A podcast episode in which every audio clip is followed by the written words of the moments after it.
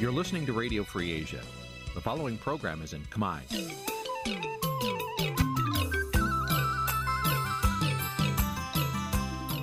នេះជាកម្មវិធីផ្សាយ Vuthu Azizi Serai នេះជាកម្មវិធីផ្សាយរបស់ Vuthu Azizi Serai ជាភាសាខ្មែរ Vuthu Azizi Serai សូមស្វាគមន៍លោកអ្នកនាងទាំងអស់ពីរដ្ឋធានី Washington នៃសហរដ្ឋអាមេរិក បាទលោកនាងជាទីមេត្រីពីទីក្រុងមែលប៊នប្រទេសអូស្ត្រាលីខ្ញុំបាទថាថៃសូមជម្រាបសួរលោកនាងទាំងអស់ដែលកំពុងតាមដានការផ្សាយរបស់វិទ្យុអាស៊ីសេរីយើងខ្ញុំសូមជូនកម្មវិធីផ្សាយសម្រាប់យប់ថ្ងៃពុធ1500ខែកដិកឆ្នាំខាលចត្វាស័កពុទ្ធសករាជ2566ត្រូវនៅថ្ងៃទី23ខែវិច្ឆិកាគ្រិស្តសករាជ2ឆ្នាំ2022បាទជាដំបូងនេះសូមអញ្ជើញលោកនាងស្ដាប់ព័ត៌មានប្រចាំថ្ងៃដែលមានមេត្តាដូចតទៅ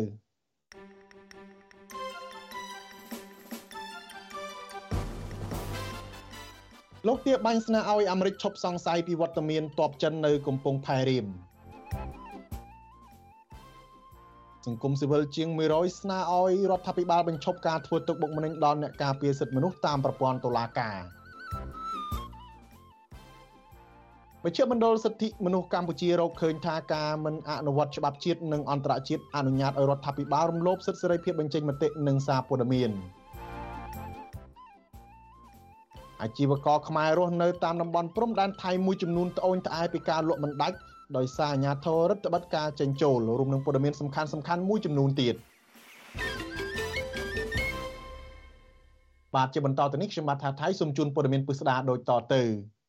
បាទលោកនាងជាទីមេត្រីរដ្ឋមន្ត្រីការពារជាតិកម្ពុជាបញ្ជាក់ប្រាប់ប្រមុខការពារជាតិសហរដ្ឋអាមេរិកកុំឲ្យបន្តព្រួយបារម្ភ អំពីបញ្ហាសង្ស័យវត្តមានកងទ័ពរំដោះប្រជាជនចិននៅកំពង់ផែកងទ័ពជើងទឹករៀម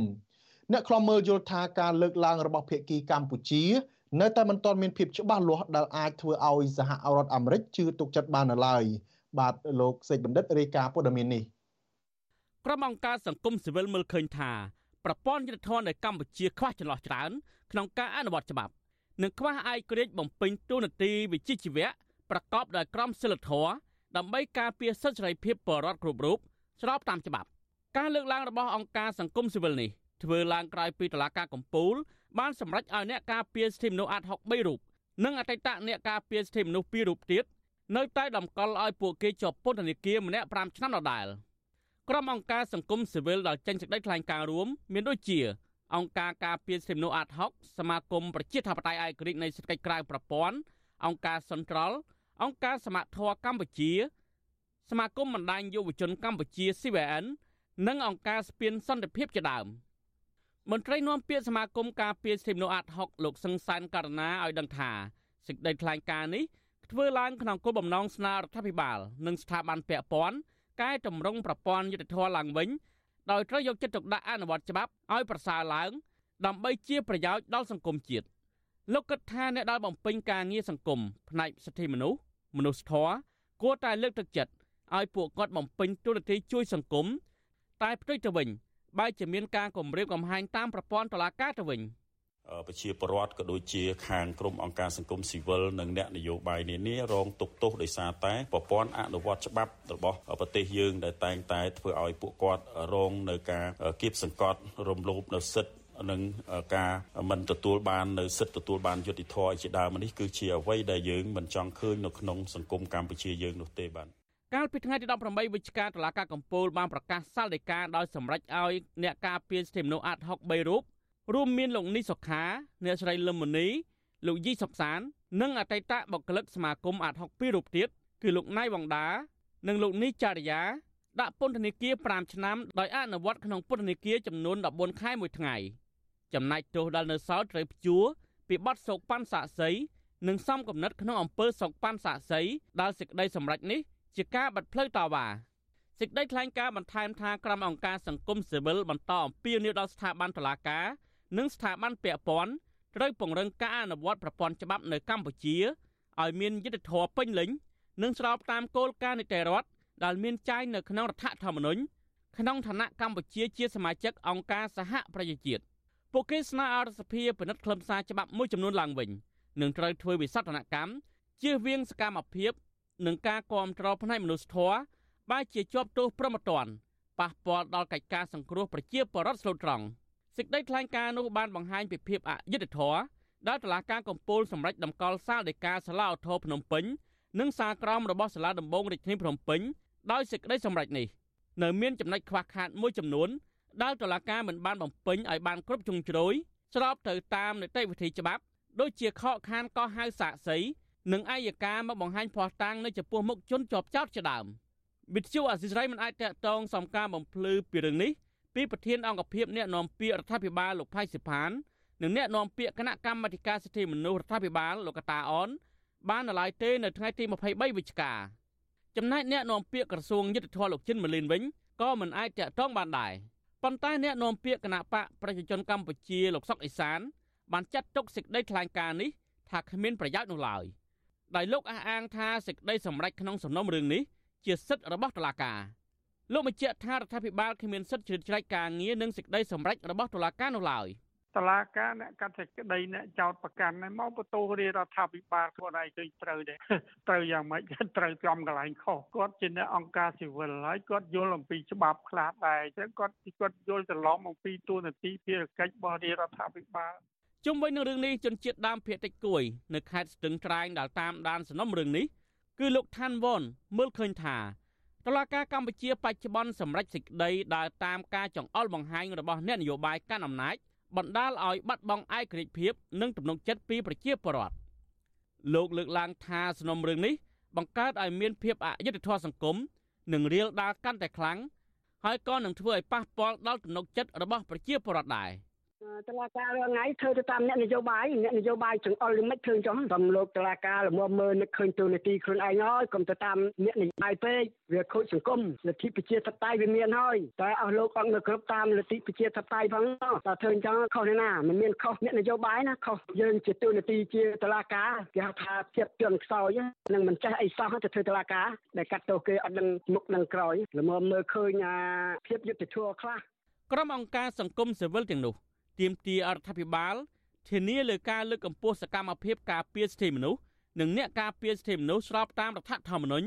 និងកិច្ចព្រមព្រៀងសន្តិភាពទីក្រុងប៉ារីសដែលកម្ពុជាបានសន្យាជាអន្តរជាតិថានឹងបំពេញកាតព្វកិច្ចរបស់ខ្លួនក្រុមអង្គការសង្គមស៊ីវិលក៏ស្នើរដ្ឋាភិបាលបញ្ឈប់ធ្វើទុកបុកម្នេញដល់អ្នកការពារសិទ្ធិមនុស្សអង្គការសង្គមស៊ីវិល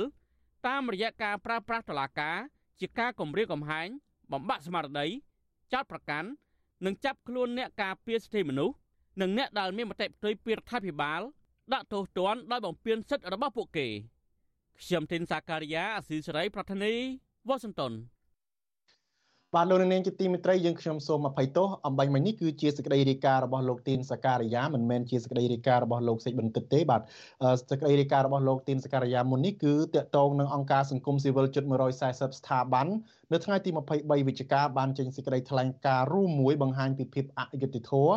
ក្រោយពីតុលាការកំពូលផ្ដន្ទាទោសមន្ត្រីការពារសិទ្ធិមនុស្ស5រូបឲ្យជាប់ពន្ធនាគារ5ឆ្នាំ ក្រុមអង្គការទាំងនោះចាត់ទុកសេចក្តីសម្រេចនេះឆ្លុះបញ្ចាំងពីភាពទន់ខ្សោយនៃប្រព័ន្ធយុតិធម៌នៅកម្ពុជា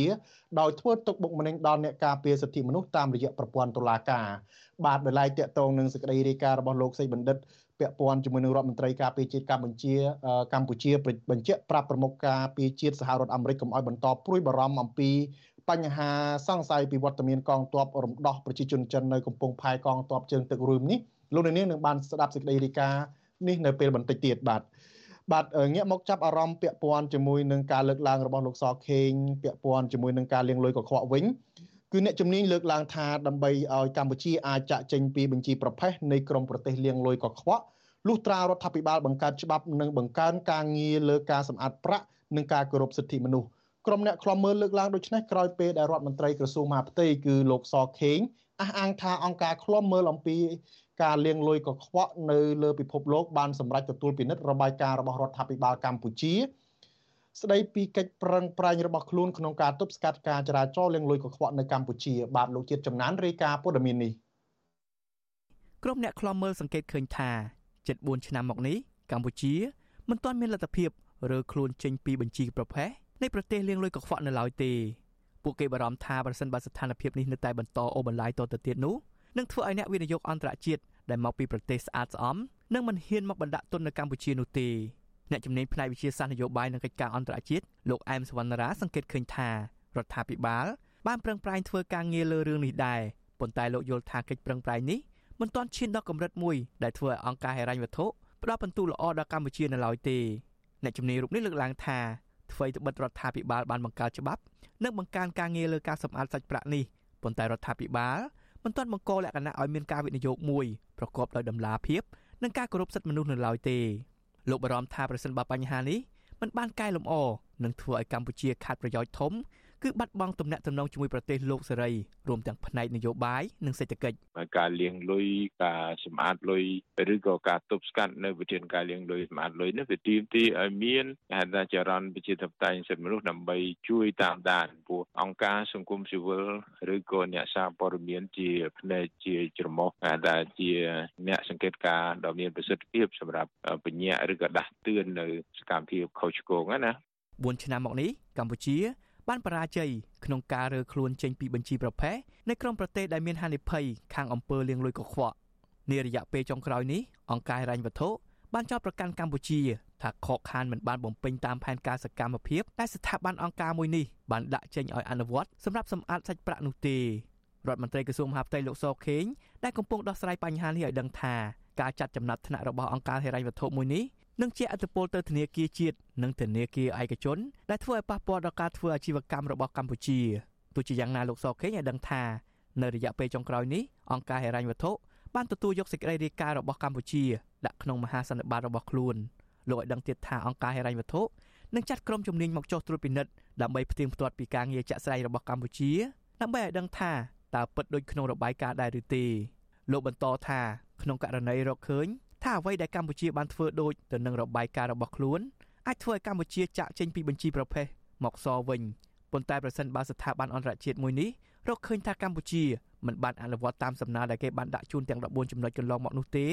នឹងធ្វើឲ្យកម្ពុជាប្រឈមជាប់បញ្ជីប្រភេទនេះដដែល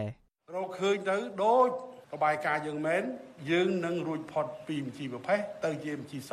តែបើរកទៅវាមិនដូចនឹងរបាយការណ៍ ខ្ញុំជឿថាវាអត់តន់ទៅខ្មៅទេវានៅតែប្រភេទដដែលប៉ុន្តែគេអាចនឹងធ្វើសម្ពាធណាមួយជាមួយនឹងបណ្ដាប្រទេសជាសមាជិកនៃអង្គការហ្វាតនេះដើម្បីឃ្លាំមើលកម្ពុជារបស់យើងអាហ្នឹងវាគ្រាន់តែមិនទៅខ្មៅមែនក៏ប៉ុន្តែវាចង់វាហួសពីប្រភេទចិត្តនឹងខ្មៅវារាំងស្ទះដល់ដំណើរការអភិវឌ្ឍនិងកសាងប្រទេសជាតិរបស់យើង ការតាក់ទាញការវិនិយោគអីទាំងអស់ក៏មានការលំបាកលោកសខេងលើកឡើងដូចនេះក្នុងពិធីប្រកាសចូលកាន់មុខតំណែងអភិបាលខេត្តពោធិ៍សាត់ កាលពីថ្ងៃទី21ខែវិច្ឆិកាលោកសុកខេងទាមទារឲ្យគ្រប់ក្រសួងស្ថាប័ននានាត្រូវធ្វើការងារឲ្យបានម៉ត់ចត់តាមទូនាទីរបស់ខ្លួន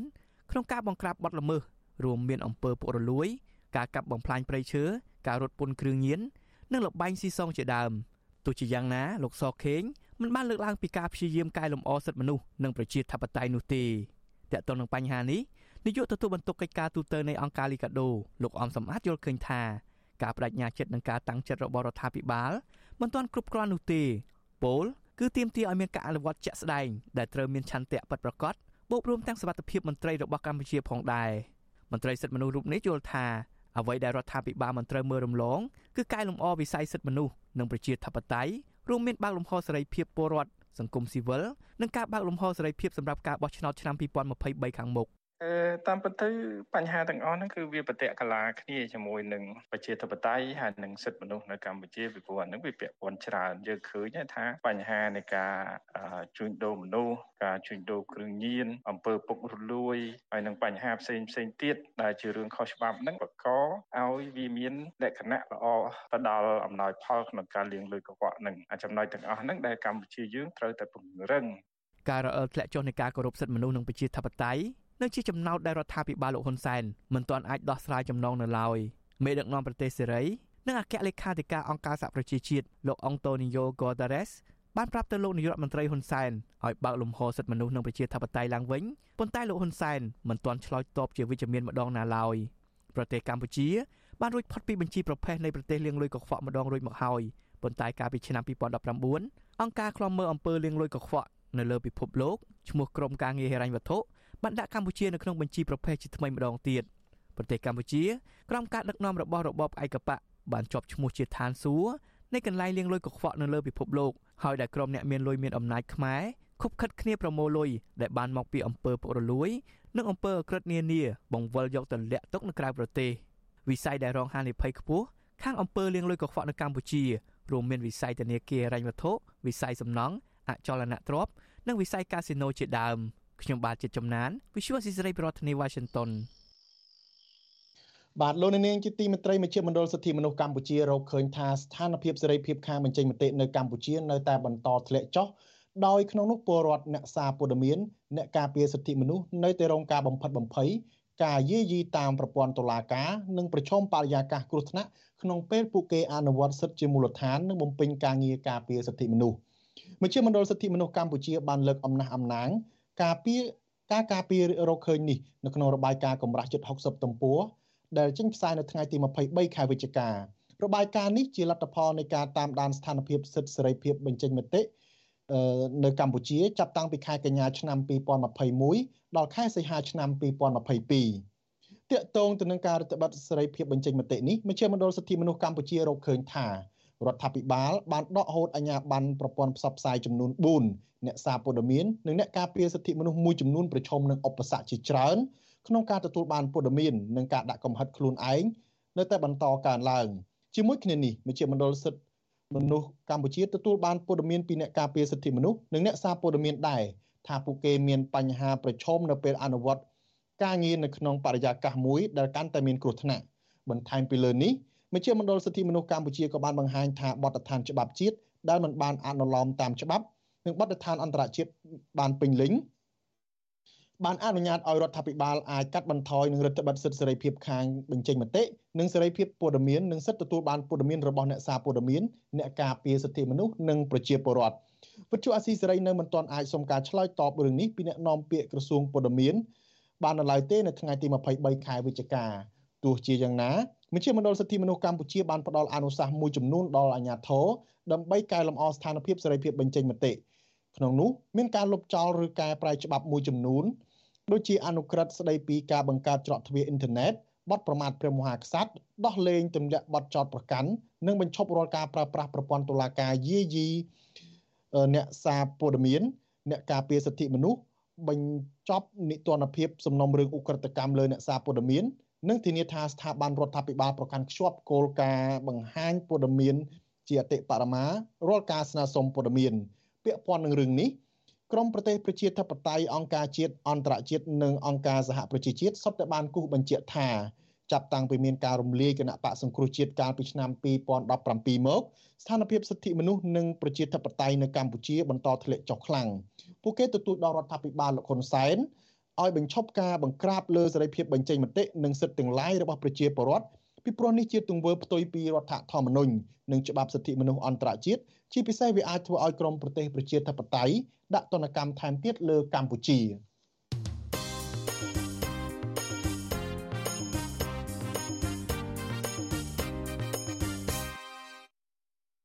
បាទលោកនាងជាទីមេត្រីសកម្មជនបរិស្ថាននិងមន្ត្រីសង្គមស៊ីវិលទាមទារដល់អាជ្ញាធរខេត្តកែប បកស្រាយចំពោះសំណង់អគារមួយចំនួនដែលកំពុងលេចរូបរាងជាបន្តបន្ទាប់នៅតំបន់ឆ្នេរផ្សារក្តាមដែលអាជ្ញាធរក្រុងកែបចាក់ដីលុបកន្លងទៅដោយអះអាងថាសម្រាប់រៀបចំសួនច្បារបម្រើប្រយោជន៍សាធារណៈអាជ្ញាធរខេត្តកែបអះអាងថាសំណង់អគារដែលគេកំពុងសាងសង់នៅឆ្នេរផ្សារក្តាមគឺជាភោជនីយដ្ឋានដើម្បីបម្រើសេវាកម្មភ្ញៀវទេសចរបាទអ្នកស្រីម៉ៅសុធីនីរីកាព័ត៌មាននេះ នៅមុនពេលចាក់ដីលុបបំពេញឆ្នេរនៅតំបន់ផ្សារក្តាម ដែលស្ថិតនៅកណ្ដាលទីក្រុងកែបអាជ្ញាធរខេត្តនេះបានប្រកាសថាដើម្បីអភិវឌ្ឍរៀបចំសួនច្បារសម្រាប់ប្រយោជន៍សាធារណៈដោយមិនអនុញ្ញាតឲ្យក្រុមហ៊ុនឯកជនសាងសង់សំណង់អគារនោះឡើយប៉ុន្តែបច្ចុប្បន្ននៅតំបន់ឆ្នេរផ្សារក្តាមដែលអាជ្ញាធរបានចាក់ដីលុបនោះត្រូវបានគេសាងសង់អគារជាបន្តបន្ទាប់និងគ្មានការរៀបចំសួនច្បារដូចជាការប្រកាសរបស់អាជ្ញាធរខេត្តកែបនោះឡើយ។ ក្រុមសកម្មជនការពារបរិស្ថានរិគុណទង្វើរបស់អាជ្ញាធរខេត្តកែបថាបានខົບខិតគ្នាជាប្រព័ន្ធជាមួយអ្នកមានអំណាចរំលោភដីឆ្នេរដើម្បីកសាងសំណង់អគារសម្រាប់តែប្រយោជន៍បុគ្គលអ្នកមានលុយមានអំណាចតែប៉ុណ្ណោះសកម្មជនមេដាធម្មជាតិ លោកលីចន្ទរាវុធចាត់ទុកទង្វើរបស់អាជ្ញាធរខេត្តកែបដែលបានចាក់ដីបំពេញឆ្នេរកែបក្រោមស្លាអភិវឌ្ឍថាគ្មានដំណាភាពនិងបំផន់ផ្នែកប្រជាពលរដ្ឋពីព្រោះលោកយល់ថាការចាក់ដីលុបឆ្នេរនៅតំបន់ផ្សារក្តាមនេះគឺសម្រាប់តែផលប្រយោជន៍របស់ក្រុមអ្នកមានអំណាចដើម្បីសំណង់អាគារអាជីវកម្មរបស់ពួកគេតែប៉ុណ្ណោះលោកលីចន្ទរាវុធជំរុញដល់អាជ្ញាធរនិងរដ្ឋាភិបាលឯកបៈផ្សព្វផ្សាយព័ត៌មាននិងធានាដំណាភាព អំពីគម្រោងអភិវឌ្ឍនៅតំបន់ឆ្នេរផ្សារក្តាមដើម្បីផ្ដល់ទំនុកចិត្តដល់ប្រជានេសាទនិងអាជីវកម្មមូលដ្ឋានក្នុងការតាក់ទាញបានផលប្រយោជន៍ពីការអភិវឌ្ឍនេះ។ តាមច្បាប់មិនតម្រូវឲ្យបុគ្គលឯកជនណាមានកម្មសិទ្ធិនៅលើឆ្នេរសមុទ្រទេអ្វីដែលគេធ្វើនេះខ្ញុំយល់ឃើញថាគឺវាកំពុងតែផ្ទុយពីច្បាប់ហើយគម្រោងនេះគឺវាជាការកុហកបោកប្រាស់ទាំងស្រុងហើយការកុហកបោកប្រាស់នេះវាអត់មានជួយអីទេវាមានតែធ្វើឲ្យពលរដ្ឋចាប់ផ្ដើមអស់ជំនឿចិត្តរដ្ឋាភិបាលហើយក៏ដូចជាអ្នកដែលធ្វើការទៅលើរឿងបរិស្ថានតាមដានសង្គមដូចជាខ្ញុំជាដើមហ្នឹងក៏កាន់តែលែងជឿជាក់ទៅលើរដ្ឋាភិបាលនៅក្នុងគម្រោងអភិវឌ្ឍនីមួយៗដែរគឺជារឿងដដែលដដែលដែលគាត់តែងតែពោលពាក្យកុហកបោកប្រាស់បែបហ្នឹង គណៈកម្មាធិការអភិវឌ្ឍតំបន់ឆ្នេរសមុទ្រកម្ពុជា កាលពីខែសីហាឆ្នាំ2021សម្រាប់អភិវឌ្ឍដោយចាក់ដីលុបឆ្នេរសមុទ្រដែលមានទទឹងជាង100ម៉ែត្របណ្ដោយជិត3000ម៉ែត្រពោលគឺស្មើនឹងជាង351,000ម៉ែត្រការ៉េឬស្មើនឹងផ្ទៃដីទំហំ35ហិកតា ដើម្បីប្រែក្លាយជាតំបន់ដីគោកដែលបានអះអាងថានឹងចាក់ដីខ្សាច់ពង្រីកតំបន់ឆ្នេរកំសាន្តដាំដើមឈើរៀបចំសួនច្បារជាដើម។ ការចាក់ដីបំពេញឆ្នេរក្រោមរូបភាពអភិវឌ្ឍនេះប្រជាប្រដ្ឋនិងសកម្មជនបរិស្ថានរិគុណអាញាធរថាអភិវឌ្ឍខ្វះតម្លាភាពបំផ្លាញភោគទ្រព្យធនធានជីវៈចម្រុះខណៈដែលអាជ្ញាធរនិងក្រសួងពាក់ព័ន្ធមិនបានបង្ហាញអំពីការសិក្សាពីផលប៉ះពាល់បរិស្ថាននៅតំបន់ឆ្នេរផ្សារក្តាមនេះនៅឡើយ ក្រោយពីអាជ្ញាធរខេត្តកែបបានសម្រេចចាក់ដីបំពេញឆ្នេរផ្សារក្តាមតាមការគ្រោងទុកនោះមកដល់ពេលនេះអាជ្ញាធរមិនបានចាក់ដីខ្សាច់ពង្រីកតំបន់ឆ្នេរកំសាន្តនិងរៀបចំសួនច្បារតាមការប្រកាសនោះឡើយផ្ទុយទៅវិញនៅតំបន់ឆ្នេរដែលគេបានចាក់ដីលុបនោះបែរជាមានបង្គោលកំណត់ជាដីឡូនិងមានការសាងសង់សំណង់អាគារជាដើម។ អ្នកនាំពាក្យសាលាខេត្តកែបលោកវ៉ាវសុខាប្រវត្តិអសីស្រីយ៉ាងខ្លីថាសំណង់អាគារដែលគេកំពុងសាងសង់នៅឆ្នេរផ្សារក្តាមគឺជាភោជនីយដ្ឋាននិងកន្លែងបម្រើសេវាកម្មភ្ញៀវទេសចរអ្នកនាំពាក្យរូបនេះបានចុចផ្ដាច់ទូរស័ព្ទភ្លាមភ្លាមនៅពេលវិទ្យុអសីស្រីសួរដេញដោលអំពីការសាងសង់អាគារនៅតំបន់ឆ្នេរផ្សារក្តាមនេះក៏ចេះគម្រោងនេះវាពាក់ព័ន្ធការគ្រប់គ្រងផ្ទាល់ដោយថ្នាក់ជាតិសួរដែនដីលោកឡង់អីនៅលើសួរដែនដី សំណង់វាសួនច្បារហ្នឹងគឺសម្រាប់សាធារណៈទូទៅហើយហើយវាកន្លែងខ្លះក៏វាមានការមានសំណង់អីចឹងណាបាទវាអាចជាភោជនីយដ្ឋានដែរมันអាចជាសំណង់អីរឹងមាំភោជនីយដ្ឋានបាទព្រោះភោជនីយដ្ឋានបម្រើវិស័យទេសចរវាចឹងមិនចឹងគេថាយើងដើរតាមត្រូវការហូបចុកទៅហូបណាវាត្រូវមានកន្លែងខ្លះមានហាងមានអីចឹងហើយវិទ្យុអសីស្រីក៏បានព្យាយាមតាក់ទងអ្នកនាំពាក្យក្រសួងដែនដីលោកសេងលូត ដើម្បីសុំការអធិប្បាយអំពីរឿងនេះដែរក៏ប៉ុន្តែទូរស័ព្ទហៅចូលពុំមានអ្នកទទួល។ការចាក់ដីបំពេញឆ្នេរក្រោមរូបភាពអភិវឌ្ឍនេះប្រជាពលរដ្ឋនិងសកម្មជនបរិស្ថានរិគុណអាញាធរថាអភិវឌ្ឍខ្វះតម្លាភាពនិងបានបំផ្លាញភោគទ្រព្យជាតិធនធានជីវៈចម្រុះគណៈដែលអាញាធរនិងក្រសួងពាក់ព័ន្ធមិនបានបង្ហាញអំពីការសិក្សាផលប៉ះពាល់បរិស្ថាននៅតំបន់ឆ្នេរផ្សារក្តាមនេះនៅឡើយ អ្នកខ្លំមើលការរំលោភសិទ្ធិមនុស្សនៃអង្គការលីកាដូប្រចាំខេត្តកំពតលោកប៉ែនវុធាខកចិត្តចំពោះអាញាធរខេត្តកែបដែលគ្មានភាពច្បាស់លាស់ក្នុងការអភិវឌ្ឍតំបន់ឆ្នេរផ្សារក្តាមដើម្បីបម្រើផលប្រយោជន៍មហាជនលោកឲ្យដឹងដែរថាបង្គោលកំណត់ជាដីឡូនៅតំបន់ដែលគេចាក់ដីបំពេញនោះអាចជាកម្មសិទ្ធិរបស់អ្នកមានលុយនិងមានអំណាច។ គណៈពេលដែលតំបន់ដែលពង្រីកឆ្នេរទៅបានមើលឃើញថាបកលឲ្យក្រុមហ៊ុនឯកជនឬក៏អ្នកមានលុយមានអំណាចមួយចំនួនមួយភាគដែលបោះបង្គោលហើយធ្វើការអភិវឌ្ឍឆ្នេរនេះដែលដែលវាមិនមែនបង្ហាញថាជាជាឆ្នេរសម្រាប់សាធារណជនទូទៅទេកង្វះព័ត៌មាននេះវាបានឆ្លុះបញ្ចាំងឲ្យឃើញថាប្រជាពលរដ្ឋគាត់នឹងពិបាកក្នុងការជឿទុកចិត្តនឹងការអភិវឌ្ឍរបស់រដ្ឋាភិបាលចំពោះការអភិវឌ្ឍនានាព្រោះมันបានបង្ហាញព័ត៌មានជាក់លាក់អំពីការអភិវឌ្ឍនេះទៅដល់ប្រជាពលរដ្ឋក្នុងមូលដ្ឋានឲ្យបានដឹងទេ សកម្មជនបរិស្ថាននិងមន្ត្រីសង្គមស៊ីវិលព្រួយបារម្ភថាតំបន់ឆ្នេរផ្សារក្តាមទៅថ្ងៃអនាគតទំនងជាមិនខុសពីតំបន់ឆ្នេរមួយចំនួននៅក្រុងកំពង់សោមនោះទេដោយសារតែក្រុមអ្នកមានលុយមានអំណាច បានខុបខិតគ្នាជាមួយក្រុមហ៊ុនឯកជន ច្បាមយកដីឆ្នេរដើម្បីបង្កើតជាទីក្រុងរណបនិងអគារបនលបែងកាស៊ីណូជាដើមចាននាងខ្ញុំម៉ៃសុធានីវិទ្យុអាស៊ីស្រីប្រធានាធិបតី Washington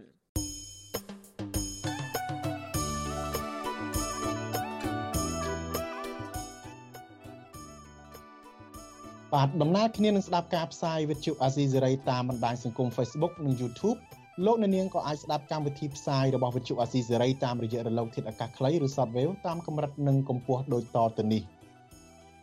ពេលព្រឹកចាប់ពីម៉ោង5កន្លះដល់ម៉ោង6កន្លះតាមរយៈរលកធាតុអាកាសខ្លី9390 kHz ស្មើនឹងកម្ពស់ 32m និង11850 kHz ស្មើនឹងកម្ពស់ 25m ពេលយប់ចាប់ពីម៉ោង7កន្លះដល់ម៉ោង8កន្លះតាមរយៈរលកធាតុអាកាសខ្លី9390 kHz ស្មើនឹងកម្ពស់32ម៉ែត្រ15155 kHz ស្មើនឹងកម្ពស់20ម៉ែត្រនិង11885 kHz ស្មើនឹងកម្ពស់20ម៉ែត្រ បាទលោកនាងជាទីមេត្រីតកតងនឹងរដ្ឋមន្ត្រីការពារជាតិកម្ពុជាបើកិច្ចប្រជុំរដ្ឋមន្ត្រីការពារជាតិអាស៊ានបូកវិញកិច្ចប្រជុំនេះបានបញ្ចប់ទៅហើយបាទមុនក្រោយកិច្ចប្រជុំនេះរដ្ឋមន្ត្រីការពារជាតិកម្ពុជាបានធ្វើសន្និសីទកាសែតមួយបង្ហាញអំពីលទ្ធផលនៃកិច្ចប្រជុំនោះបាទរដ្ឋមន្ត្រីការពារជាតិកម្ពុជាបញ្ជាក់ប្រាប់ប្រមុខការពារជាតិសហរដ្ឋអាមេរិកកុំឲ្យបន្តព្រួយបារម្ភអំពីបញ្ហាសង្ស័យពីវត្តមានកងទ័ពរំដោះប្រជាជនចិននៅកំពង់ផែកងទ័ពជើងទឹករៀម បាទអ្នកខ្លំមើលយល់ថាការលើកឡើងរបស់ភាគីកម្ពុជានេះនៅតែមិនទាន់មានភាពច្បាស់លាស់ដែលអាចធ្វើឲ្យសហរដ្ឋអាមេរិកជឿទុកចិត្តបាននៅឡើយទេ បាទលោកសេបណ្ឌិតរាយការណ៍ព័ត៌មាននេះបញ្ហាសង្ស័យវត្តមានកងទ័ពចិននៅកំពង់ផែកងទ័ពជើងទឹករៀមនៅតែជាប្រធានបទដ៏សំខាន់នៅក្នុងជំនួបរវាងប្រមុខការពារជាតិកម្ពុជា និងសហរដ្ឋអាមេរិករដ្ឋមន្ត្រីការពារជាតិកម្ពុជាលោកទាបាញ់ ថ្លែងក្នុងសន្និសីទកាសែតស្ដីពីលទ្ធផលនៃកិច្ចប្រជុំរដ្ឋមន្ត្រីការពារជាតិអាស៊ាន នៅរសៀលថ្ងៃទី23វិច្ឆិកាថាការជួបប្រជុំផ្ទាល់របស់រដ្ឋមន្ត្រីការពារជាតិអាស៊ានបូកនេះនឹងអាចជួយកាត់បន្ថយភាពតានតឹងទាំងនៅក្នុងតំបន់និងនៅលើពិភពលោកលោកបន្តថាក្នុងពេលកិច្ចប្រជុំប្រមាណថ្ងៃនេះលោកក៏បានជួបពិភាក្សាទ្វេភាគីជាមួយរដ្ឋមន្ត្រីការពារជាតិចិន គឺលោកវ៉ៃហ្វេងហេ និងរដ្ឋមន្ត្រីការពារជាតិអាមេរិកលោកឡយអស្ទីនដែរប្រមុខការពារជាតិកម្ពុជារូបនេះអះអាងថាជំនួបជាមួយភាគីចិន គឺទទួលបានលទ្ធផលផ្លែផ្កាល្អនិងបញ្ញាពង្រឹងទំនាក់ទំនងឲ្យកាន់តែពិសេសថែមទៀត។ចំពោះជំនួបជាមួយរដ្ឋមន្ត្រីការពារជាតិអាមេរិកវិញលោកថាភាគីទាំងពីរទទួលស្គាល់អំពីទំនាក់ទំនងវិស័យយោធាធ្លាក់ចុះក្នុងរយៈពេលប្រមាណឆ្នាំចុងក្រោយនេះ ដែលការព្រួយបារម្ភនេះមិនត្រឹមតែបញ្ហាសិទ្ធិមនុស្សនិងលទ្ធិប្រជាធិបតេយ្យប៉ុណ្ណោះទេប៉ុន្តែមកពីកង្វះខាតតម្លាភាពតាក់ទងទៅនឹងមូលដ្ឋានយោធារបស់ចិននៅកម្ពុជានៅវិញរដ្ឋមន្ត្រីការពារជាតិអាមេរិកនៅតែចាត់ទុកថាជាការគម្រិះកំហែងដល់ផលប្រយោជន៍សន្តិសុខសហរដ្ឋអាមេរិកនិងសន្តិសុខសម្ព័ន្ធមិត្តរបស់អាមេរិកនៅក្នុងតំបន់ទោះយ៉ាងណាលោកទៀបបាញ់ស្នើសុំឲ្យអាមេរិកឈប់ព្រួយបារម្ភនិងសង្ស័យរឿងមូលដ្ឋានកងទ័ពជើងទឹករៀមតទៅទៀត សហរដ្ឋអាមេរិកក៏មានការនិយាយដូចគ្នានេះដែរក៏ប៉ុន្តែគាត់ក៏មានបាកង្វល់មួយដែលលីក្លោគឺកង្វល់អំពីបញ្ហាមូលដ្ឋានតបបរទេសហើយនៅរៀមទៅនឹងហើយរឿងនឹងក៏ខ្ញុំក៏បាន បកស្រាយជូនគាត់ដែរគឺក៏សូមគាត់ថាកុំកង្វល់អីរឿងមូលដ្ឋាននៅនឹងគឺកន្លែងផ្សេងផ្សេងគឺសូមកង្វល់រឿងផ្សេងផ្សេងនឹងគឺជាងទៅចោះកន្លែងនេះគឺវាទូចមួយទេវាប៉ុននឹងផែនេសាទអីគេនេះមិនមែនធ្វើធ្វើស្អីធំធំទេហើយកិច្ចការងារនេះគឺថា វាទៅដំណើរការទៅនឹងគឺការអភិវឌ្ឍនៅក្នុងកម្ពុជាក្នុងមួយយ៉ាងមួយយ៉ាងទៀតគឺបញ្ជាក់ហើយបញ្ជាក់ទៀតថាគ្មានទេរឿងមូលដ្ឋានតបបរទេសដែលនឹងមកតាំងទីនៅក្នុងដែនពារាជាណាចក្រកម្ពុជានេះគឺរដ្ឋធម្មនុញ្ញគឺមិនអនុញ្ញាតជាដាច់ខាតលោកទាបាញ់សង្ឃឹមថាក្រោយការជជែកទល់មុខគ្នាជាមួយនឹងរដ្ឋមន្ត្រីការពារជាតិអាមេរិកនេះ សង្ឃឹមថាស្ថានភាពនឹងធូរស្រាលឡើងវិញកម្ពុជាបានរៀបចំធ្វើជាម្ចាស់ផ្ទះរៀបចំកិច្ចប្រជុំចង្អៀតនិងកិច្ចប្រជុំរដ្ឋមន្ត្រីការពារជាតិអាស៊ានបូកលើកទី9ចាប់ពីថ្ងៃទី21ដល់ថ្ងៃទី23វិច្ឆិកានៅឯខេត្តសៀមរាបដែលមានប្រមុខការពារជាតិអាស៊ានចំនួន9ប្រទេស និងដៃគូចំនួន8ប្រទេស រួមមានអាមេរិកចិនអូស្ត្រាលីនូវែលសេឡង់រុស្ស៊ីឥណ្ឌាជប៉ុន និងកូរ៉េខាងត្បូងចូលរួមរដ្ឋមន្ត្រីការពារជាតិអាមេរិកលោក Lloyd Austin លោកបានសរសេរនៅលើទំព័រ Twitter របស់លោក កាលពីយប់ថ្ងៃទី22វិច្ឆិកាថាលោកបានជួបជាមួយរដ្ឋមន្ត្រីការពារជាតិកម្ពុជាលោកទាបាញ់នៅមុនកិច្ចប្រជុំរដ្ឋមន្ត្រីការពារជាតិអាស៊ានបូកលោកថាលោកបានស្វាគមន៍ជំហរជាគោលការណ៍របស់កម្ពុជា ពាក់ព័ន្ធទៅនឹងការឈ្លានពានរបស់ប្រទេសរុស្ស៊ីទៅលើប្រទេសអ៊ុយក្រែន ហើយបានសង្កត់ធ្ងន់លើសារៈសំខាន់នៃការចាត់វិធានការនានាដើម្បីការពារអធិបតេយ្យរបស់កម្ពុជា។លោក Lloyd Austin មិនបានរៀបរាប់លម្អិតអំពីខ្លឹមសារនៃការចាត់វិធានការទាំងនោះដើម្បីឲ្យកម្ពុជាធានាអធិបតេយ្យភាពរបស់ខ្លួនដោយវិធីណានោះទេក៏ប៉ុន្តែការគូសបញ្ជាក់របស់លោកនេះគឺលោកទំនងចង់សម្ដៅទៅលើបញ្ហាសង្ស័យពីវត្តមានកងទ័ពរំដោះប្រជាជនចិននៅកំពង់ផែរៀមនិងការដែលប្រទេសចិនកុម្មុយនីស អាចមានមហិច្ឆតាកែប្រែកម្ពុជាឲ្យក្លាយទៅជាមូលដ្ឋានកងទ័ពរបស់ខ្លួនទី2នៅលើពិភពលោកនាពេលអនាគតបន្ថែមពីលើនេះសេចក្តីថ្លែងការណ៍របស់ក្រសួងការពារជាតិអាមេរិកផ្សាយកាលពីយប់ថ្ងៃទី22វិច្ឆិកាឲ្យដឹងថារដ្ឋមន្ត្រីការពារជាតិអាមេរិកលោក Lloyd Austin បានសម្ដែងកង្វល់របស់លោកជុំវិញសកម្មភាពយោធានានាដែលអាចធ្វើឲ្យប៉ះពាល់ដល់ស្ថិរភាពក្នុងតំបន់លោកជំរុញឲ្យកម្ពុជា ចាត់នៅវិធានការនានា ដើម្បីការពារអធិបតេយ្យរបស់ខ្លួន។លោកក៏បានកត់សម្គាល់អំពីសារៈសំខាន់ក្នុងការកសាងនៅទំនាក់ទំនងទ្វេភាគីប្រកបដោយផ្លែផ្កាមួយដែលអាចផ្ដល់ផលប្រយោជន៍ដល់ប្រទេសទាំងពីរនិងដល់ប្រជាជននៃប្រទេសទាំងពីរដែលលោកបានស្វាគមន៍ចំពោះរាល់កិច្ចខិតខំប្រឹងប្រែងនានាដើម្បីកសាងទំនុកចិត្តរវាងភាគីទាំងពីរសេចក្តីថ្លែងការណ៍របស់ក្រសួងការពារជាតិអាមេរិកមិនបាននិយាយចំឈ្មោះប្រទេសចិនកុម្មុយនីស ដែលជាគោលដៅចម្បងនៃការសង្ស័យរបស់អាមេរិកនោះទេតកតនៅរឿងនេះសមាជិកក្រុមប្រឹក្សាឃ្លាំមើលកម្ពុជាលោករងឈុនយល់ថាការលើកឡើងរបស់លោកទាបាញ់បែបនេះនៅតែមិនទាន់មានភាពប្រកបប្រជានៅឡើយទេ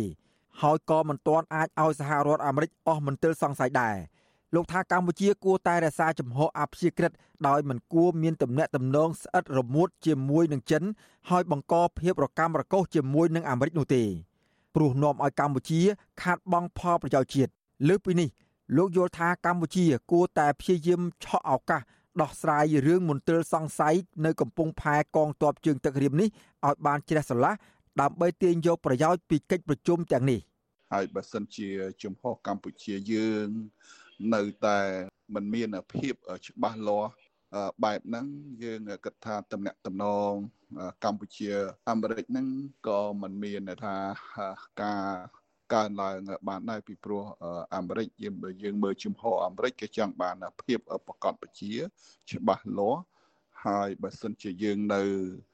មានថាលាក់លៀមបិទបាំងហើយនិយាយមិនប្រកបប្រជាអត់មានបង្ហាញចំណុចណាមួយឲ្យគេជឿទុកចិត្ត ពេលហ្នឹងយើងមើលឃើញថាវាមិនអាចបង្កើននៅការតំណតំណងរវាងកម្ពុជាអាមេរិកនឹងឲ្យខ្លាំងនោះទេអានេះដែលជា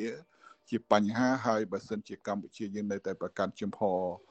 បែបអញ្ចឹងវាធ្វើឲ្យខូចប្រយោជន៍ជាតិរដ្ឋាភិបាលលោកហ៊ុនសែនរងការចោទប្រកាន់ថាបានចុះកិច្ចព្រមព្រៀងសម្ងាត់ជាមួយនឹងប្រទេសចិនកុម្មុយនីសដើម្បីអនុញ្ញាតឲ្យកងទ័ពចិនបោះទីតាំងឈរជើងនៅលើទឹកដីខ្មែរ សារព័ត៌មានល្បីឈ្មោះរបស់សហរដ្ឋអាមេរិក The Wall Street Journal បានរាយការណ៍កាលពីខែកក្កដាឆ្នាំ2019ថាកិច្ចព្រមព្រៀងសម្ងាត់នោះអនុញ្ញាតឲ្យកងទ័ពចិនគ្រប់គ្រងកំពង់ផែកងទ័ពជើងទឹករៀមផ្ដាច់មុខរហូតដល់ទៅ30ឆ្នាំហើយកិច្ចព្រមព្រៀងនេះអាចបន្តបានរៀងរាល់10ឆ្នាំម្ដងអ្វីត្បិតតែរដ្ឋាភិបាលកម្ពុជា និងចិន បានចេញមុខបដិសេធរឿងនេះក្តីប៉ុន្តែខាងភៀកគីទាំងពីរមិនដែលបង្ហាញភ័ស្តុតាង និងព័ត៌មានដែលអាចគួរឲ្យជឿទុកចិត្តបាននោះឡើយលើសពីនេះទៀតមូលដ្ឋានកងទ័ពជើងទឹករៀមដែលត្រូវបានគេសង្ស័យអំពីវត្តមានយោធារបស់ចិនជាច្រើនឆ្នាំមកហើយនោះបានប្រែប្រួលខ្លាំងក្នុងរយៈពេលប្រមាណឆ្នាំចុងក្រោយនេះ សំណង់ថ្មីថ្មីមួយចំនួនរួមទាំងហេដ្ឋារចនាសម្ព័ន្ធដទៃទៀតបានលេចចេញជារូបរាងឡើងគណៈមន្ត្រីកម្ពុជាវាយកំទេចអាគារដែលជាជំនួយរបស់សហរដ្ឋអាមេរិកដោយគ្មានជូនដំណឹងជាមុនព្រមទាំងមានសកម្មភាពបូមខ្សាច់ស្ដារជំរឿទឹកសមុទ្រនៅមូលដ្ឋានកងទ័ពជើងទឹករៀមនោះជាដើមក្រុមអ្នកខ្លាំមើលថាទោះបីជាមានការបកស្រាយត្រឹមតែការលើកឡើងជាសាធារណៈពីសំណាក់លោកហ៊ុនសែននិងមន្ត្រីរបស់លោកក៏ដោយ ក៏មិនអាចលៀងជំរះមន្ទិលសង្ស័យពីសហរដ្ឋអាមេរិកបានដែរខ្ញុំបាទសេកបណ្ឌិតវុទ្ធុអាស៊ីសេរីពីរដ្ឋធានីវ៉ាស៊ីនតោនបាទលោកនាងជាទីមេត្រីតកតងនឹងរឿងនេះដែរខ្ញុំបាទមានបទសម្ភាសន៍មួយជាមួយនឹងអ្នកជំនាញវិទ្យាសាស្ត្រនយោបាយនិងកិច្ចការអន្តរជាតិគឺលោកអែមសវណ្ណារាបាទសូមអញ្ជើញលោកនាងស្ដាប់បទសម្ភាសន៍នេះដូចតទៅបាទសូមជម្រាបសួរលោកអែមសវណ្ណារាបាទបាទជម្រាបសួរបាទ ថ្ងៃនេះគឺជាថ្ងៃចុងក្រោយហើយនៃកិច្ចប្រជុំរដ្ឋមន្ត្រីការពារជាតិអាស៊ានបូកដែលមានសហរដ្ឋអាមេរិកនិងចិនចូលរួមផងបាទក្រោយពេលកិច្ចប្រជុំនេះរដ្ឋមន្ត្រីការពារជាតិកម្ពុជាបានធ្វើសន្និសីទកាសែតស្ដីពីលទ្ធផលនៃកិច្ចប្រជុំរដ្ឋមន្ត្រីការពារជាតិអាស៊ាននឹងដោយលោកបង្ហាញថាកិច្ចប្រជុំរដ្ឋមន្ត្រីការពារជាតិអាស៊ានបូកនឹងអាចចេញមានលទ្ធផលល្អមួយដោយថាអាចចេញនូវសេចក្តីថ្លែងការណ៍រួមដែលបញ្ជាក់ពីការបដិញ្ញាចិត្តរបស់សមាជិកក្នុងការរក្សាសន្តិភាពស្ថិរភាពតំបន់តាមរយៈការគ្រប់គ្រងមជ្ឈភាពអាស៊ាននិងទូនាទីស្នូលរបស់អាស៊ាន ចំពោះលទ្ធផលដែលកម្ពុជាសម្រេចបាននៅក្នុងពេលដែលធ្វើជាម្ចាស់ផ្ទះរៀបចំកិច្ចប្រជុំរដ្ឋមន្ត្រីការពារជាតិអាស៊ានបូកនេះសម្រាប់លោកមើលឃើញថាជាលទ្ធផលដែលគូសាទរដែរទេបាទបាទជាជាការពិតអឺខ្ញុំមិនសង្ឃឹមថាអាចមានលទ្ធផលល្អឬក៏អាចចេញសេចក្តីថ្លែងការណ៍រួមបានទេទស្សនៈខ្ញុំណាប៉ុន្តែនៅពេលដែលមានលទ្ធផលបែបនេះយើងថាជាមុខមាត់របស់កម្ពុជាដែលអាចសម្របសម្រួលកិច្ចការនេះបានហើយសង្ឃឹមថាកម្ពុជានឹង អាស៊ានកម្ពុជានិងនិងអាមេរិកឬក៏អាស៊ាននិងអាមេរិកនឹងអាចកាត់បន្ថយនៅហានិភ័យផ្សេងផ្សេងនៅថ្ងៃខាងមុខបានបើសិនបើអាស៊ានឬក៏កម្ពុជានឹងឆ្លើយតបទៅនឹងកង្វល់រួមរបស់អន្តរជាតិឬក៏ច្បាប់រួមរបស់អន្តរជាតិកុំឲ្យច្បាប់ច្បាប់អន្តរជាតិត្រូវបែងចែកជាស្តង់ដារតំបន់ឬក៏ស្តង់ដារកម្ពុជានឹងគឺជាក្តីបារម្ភសម្រាប់ពលរដ្ឋកម្ពុជាទូទៅហើយបាទបាទមួយវិញទៀតក្នុងពេលដែលកិច្ចប្រជុំរដ្ឋមន្ត្រីការពារជាតិអាស៊ានបូកនេះក៏មានកិច្ចប្រជុំទ្វេភាគីរវាងកម្ពុជាជាមួយនឹងរដ្ឋមន្ត្រីការពារជាតិនៃប្រទេសមួយចំនួនដែរជាពិសេសរដ្ឋមន្ត្រីការពារជាតិចិននិងរដ្ឋមន្ត្រីការពារជាតិសហរដ្ឋអាមេរិកបើតាមលោកទាបាញ់បានបង្ហាញថាក្នុងជំនួបមួយនឹងប្រមុខការពារជាតិទាំងនោះលោកលើកឡើងថាសម្រាប់ជាមួយនឹងប្រទេសចិនគឺតំណែងតំណងកម្ពុជានិងចិនហ្នឹងគឺថាមានភាពល្អប្រសើរគ្រប់វិស័យហើយមានការបដិញ្ញាចិត្តក្នុងការពង្រឹងពង្រីកតំណែងតំណងហ្នឹងកាន់តែល្អបន្ថែមទៀតក៏ប៉ុន្តែចំពោះទំនាក់ទំនងរវាងកម្ពុជាជាមួយនឹងសហរដ្ឋអាមេរិកនឹងលោកប្រកាសទទួលស្គាល់ថាមានទំនាក់ទំនងវិស័យការពារជាតិរវាងប្រទេសទាំងពីរនឹងមានការធ្លាក់ចុះមានការថមថយ ហើយសហរដ្ឋអាមេរិកក៏មានការទទួលស្គាល់ដែរការថមថយខាងភាគីសហរដ្ឋអាមេរិកបានលើកឡើងនៅក្នុងសេចក្តីប្រកាសរបស់ខ្លួនហើយខាងភាគីកម្ពុជាលើកឡើងនៅក្នុងសេចក្តីប្រកាសរបស់ខ្លួននឹងថាអាមេរិកនឹងមិនត្រឹមតែបារម្ភអំពីបញ្ហាសិទ្ធិមនុស្សបញ្ហាប្រជាធិបតេយ្យទេក៏បារម្ភទាក់ទងទៅនឹងបញ្ហាកង្វះដំណាភៀបដែរហើយភាគីទាំងពីរនឹងបដិញ្ញាក្នុងការស្ដារទំនាក់ទំនងឡើងវិញហើយជាពិសេសក៏មានការលើកឡើងពាក់ព័ន្ធទៅនឹងបញ្ហាសមុទ្ររៀម ការដែលកម្ពុជាស្អិតរមួតក្នុងវិស័យការពារជាតិជាមួយចិនហើយបែរជាមានភាពថមថយក្នុងវិស័យការពារជាតិជាមួយសហរដ្ឋអាមេរិកនេះលោកយល់ឃើញយ៉ាងម៉េចដែរបាទទស្សនៈខ្ញុំខ្ញុំបានបញ្ជាក់ខ្លះឲ្យថាកណាការរីកចម្រើនឬក៏ការអនុវត្តនៅគោលការណ៍ច្បាប់អន្តរជាតិនៅក្នុងនោះក៏មាន ចាស់ថាគោលការណ៍នៃអនុវត្តសិទ្ធិប្រជាធិបតេយ្យសិទ្ធិមនុស្សលំហសេរីភាពនយោបាយហ្នឹងបើមិនបើយើងខ្វះដំណាភាពនៅក្នុងការអនុវត្តវាធ្វើឲ្យយន្តការនៃការអនុវត្តប្រជាធិបតេយ្យនេះវាខ្វះដំណាភាពក្នុងការត្រួតពិនិត្យមើលទៅលើយន្តការនៃការអនុវត្តច្បាប់មួយចំនួនរួមទាំងវិស័យយោធានឹងដែរដែលមហាជនឬក៏អ្នកសារព័ត៌មានជាចលករជួមុខនៅក្នុងការពិនិត្យឬក៏ជួយតាមដានចំណុចទី1ចំណុចមួយទៀត ឧបសគ្គចម្បងសម្រាប់កម្ពុជានិងនិងអាមេរិកហ្នឹងមិនមែនជាកត្តាបណ្ដាលមកពីតំណែងតំណងកម្ពុជាចិននឹងល្អទេទស្សនៈខ្ញុំខ្ញុំថាតំណែងតំណងកម្ពុជាចិនល្អគ្រប់វិស័យជាចំណុចវិជ្ជមានរបស់កម្ពុជាជាចំណុចដែលប្រទេសមួយមួយត្រូវតែធ្វើក៏ប៉ុន្តែចំណុចដែលឧបសគ្គហ្នឹងគឺសហរដ្ឋអាមេរិកលើកឡើងពាក់ព័ន្ធនឹងដំណាភាពពាក់ព័ន្ធនឹងការកសាង ជំនួយរបស់ចិននៅក្នុងផែរៀមផែកងទ័ពជើងទឹករៀមហ្នឹងខ្វះការបញ្ជាក់ច្បាស់លាស់អំពីការថាតើការទទួលជំនួយនឹងប្រើប្រាស់នឹងក្របខ័ណ្ឌកម្ពុជាឬក៏ក្របខ័ណ្ឌកងទ័ពប្រជាមានិតចិនហ្នឹងធ្វើឲ្យសហរដ្ឋអាមេរិកបារម្ភហើយចោទថាដាក់បន្ទុកថាកម្ពុជាអនុញ្ញាតឲ្យចិនអាចប្រើប្រាស់មូលដ្ឋាននេះនេះជាឧបសគ្គមួយចាំបាច់ដែលភាគីកម្ពុជានិងសហរដ្ឋអាមេរិកត្រូវ ជជែកគ្នាក្នុងពេលជំនួបហ្នឹងលោកទាបាញ់បានបញ្ជាក់ដែរប្រាប់ទៅរដ្ឋមន្ត្រីការពារជាតិសហរដ្ឋអាមេរិកហ្នឹងថាកុំឲ្យមានការសង្ស័យបន្តទៀតកុំឲ្យមានការព្រួយបារម្ភបន្តទៀតទាក់ទងទៅនឹងវត្តមានកងទ័ពចិននៅកងទ័ពជើងទឹករៀមហ្នឹងដោយលោកអះអាងថាកំពង់ផែហ្នឹងតូចមួយមិនអាចដាក់កងទ័ពបរទេសបានទេហើយកម្ពុជាគោរពតាមរដ្ឋធម្មនុញ្ញរបស់ខ្លួនអីចឹងទៅដោយប្រាប់ឲ្យអាមេរិកនឹងឈប់ព្រួយបារម្ភថាតើការលើកឡើងរបស់កម្ពុជាប៉ុណ្ណេះគ្រប់គ្រាន់ដែរទេអាចធ្វើឲ្យអាមេរិកនឹងឈប់ព្រួយបារម្ភបានទេបាទទេពីព្រោះ ហេតុអីពីព្រោះកម្ពុជាធ្លាប់ប្រកាសនៅក្នុងគោលការណ៍គោលនៅក្នុងរូបគោលនយោបាយរបស់ខ្លួននៅក្នុងរដ្ឋធម្មនុញ្ញកម្ពុជាថាយើងអព្យាក្រឹតយើងមិនលំអៀងទៅខាងណាទេក៏ប៉ុន្តែនៅពេលឧទាហរណ៍ដែលខ្ញុំលើកឧទាហរណ៍មុននេះបន្តិចពាក់ព័ន្ធទៅនឹងការលុបចោលសម្ភារយោធាពីររបស់អាមេរិកនិងអូស្ត្រាលីហើយទុករបស់ចិនអានេះជាជាបញ្ហាឬអេសយ៉ាប័តមួយដែលយើងបង្ហាញមើលអំពីភាពថាអព្យាក្រឹតក៏យើងឈរនៅកណ្ដាលដែលយើងមិនជឿជាក់ចំណុចមួយទៀត វោហារស័ព្ទរបស់អ្នកនយោបាយកម្ពុជាមួយចំនួនហ្នឹងមិនបង្កផលវិជ្ជមានទៅដល់ទំនាក់ទំនងកម្ពុជាសហរដ្ឋអាមេរិកទេវោហារស័ព្ទរបស់គាត់មួយចំនួនហ្នឹងគាត់បង្ហាញអំពីភាពប្រកាន់ប្រកបឬក៏ភាពប្រទាំងប្រទើគ្នាជាមួយទំនាក់ទំនងជាមួយសហរដ្ឋអាមេរិកទៅវិញអញ្ចឹងគួរកាត់បន្ថយវោហារស័ព្ទដែលគេហៅថាឌឺដងឬក៏ធ្វើឲ្យខាតនៅទំនាក់ទំនងរវាងកម្ពុជានិងសហរដ្ឋអាមេរិកហើយនឹងគួរតែរកមធ្យោបាយឆ្លើយតបឬក៏ដោះស្រាយបញ្ហាផ្សេង ក្នុងន័យវិជ្ជមានជាជាងន័យអវិជ្ជមានបាទតើតើកម្ពុជាគូធ្វើបែបណាទៀតដើម្បីអាចឲ្យសហរដ្ឋអាមេរិកឈប់សង្ស័យរឿងវត្តមានកងទ័ពចិននៅកំពង់ផែរៀមហើយអាចស្ដារទំនាក់ទំនងរវាងប្រទេសទាំងពីរនេះឲ្យបានល្អប្រសើរឡើងវិញបាទនៅនៅក្នុងកិច្ចការនេះបានហៅថាប្រមុខយោធាកម្ពុជានិងសហរដ្ឋអាមេរិកឬក៏មន្ត្រីជាន់ខ្ពស់កម្ពុជានិងសហរដ្ឋអាមេរិកក្រសួងការបរទេសកម្ពុជានិងសហរដ្ឋអាមេរិកគួរមានជំនួបឬក៏ការជជែកគ្នាស៊ីជម្រៅលំអិត ហើយលាងជំរះនៅភាពមន្ទិលសង្ស័យហើយបង្ហាញនៅអ្វីដែលជាកង្វល់របស់សហរដ្ឋអាមេរិកឲ្យឲ្យបានភាគីសហរដ្ឋអាមេរិកជឿជាក់ដោយជៀសវាងនៅចំណុចឬក៏ហៅថាកង្វល់ទាំងឡាយណាដែលទៅពាក់ព័ន្ធឬក៏បាត់បង់នៅអធិបតេយ្យភាពរបស់កម្ពុជាកម្ពុជាយើងរួមមធ្យោបាយខ្ញុំគិតថាបញ្ហាទាំងអស់វាមិនជាលំបាកដែលមិនអាចដោះស្រាយបានទេប៉ុន្តែទាមទារឲ្យ ឲ្យភាគីទាំងពីរមានការថាភាពស្មោះត្រង់ហើយនិងដំណាភាពនៅក្នុងការជជែកគ្នាតទល់គ្នានៅតាមវិធីការទូតនឹងជាមធ្យោបាយល្អបំផុតជាង មធ្យោបាយអនុវត្តផ្សេងផ្សេងបាទភាគីកម្ពុជានឹងក៏បញ្ជាក់ដែរថាឲ្យមានការយោគយល់និងមានភាពស្មោះត្រង់នឹងតើតើការជំហររបស់កម្ពុជានេះបង្ហាញថាខ្លួនបានបង្ហាញភាពស្មោះត្រង់និងតម្លាភាពអីទេបាទដោយដូចខ្ញុំបាននិយាយថាអ្វីដែលយើងបានប្រកាសជាសាធារណៈជាផ្លូវការរបស់ប្រមុខការពីជាតិកម្ពុជាជាជំហានមួយក៏ប៉ុន្តែវាទាមទារនៅការអនុវត្តជាក់ស្ដែងនៅអេរីយ៉ាបតដោយសារតែកន្លងមកកម្ពុជាក៏ធ្លាប់ កាត់ថាកម្ពុជាអភិជាក្រិតតែក៏ប៉ុន្តែអេរីយ៉ាបតនយោបាយកម្ពុជាទង្វើដែលយើងស្ដែងចេញកន្លងមកយើងមិនកសាងនៅជំនឿជឿជាក់ទៅលើលោកខាងលិចទេឬក៏ទៅលើទៅឲ្យសហរដ្ឋអាមេរិកជឿថាយើងអភិជាក្រិតឬក៏យើងត្រង់យើងស្មោះត្រង់ទេអានេះជាកង្វល់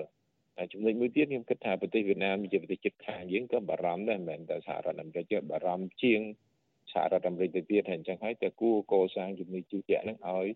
ឲ្យសុក្រិតភាពឲ្យ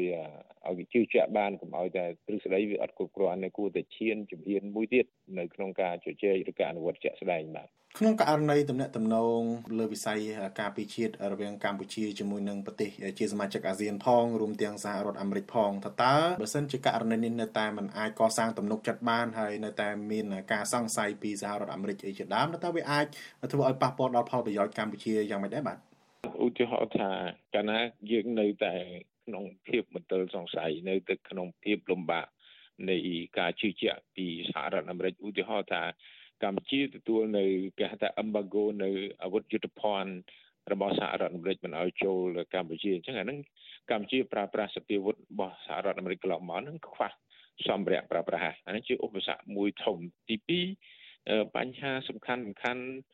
ពាក់ព័ន្ធនឹងការគាំពៀនៅផ្នែកនយោបាយការបរទេសក៏អាចធ្លាក់ចុះកម្រិតនៃទំនាក់ទំនងហើយនឹងការទទួលបានអត្ថប្រយោជន៍ផ្នែកពាណិជ្ជកម្ម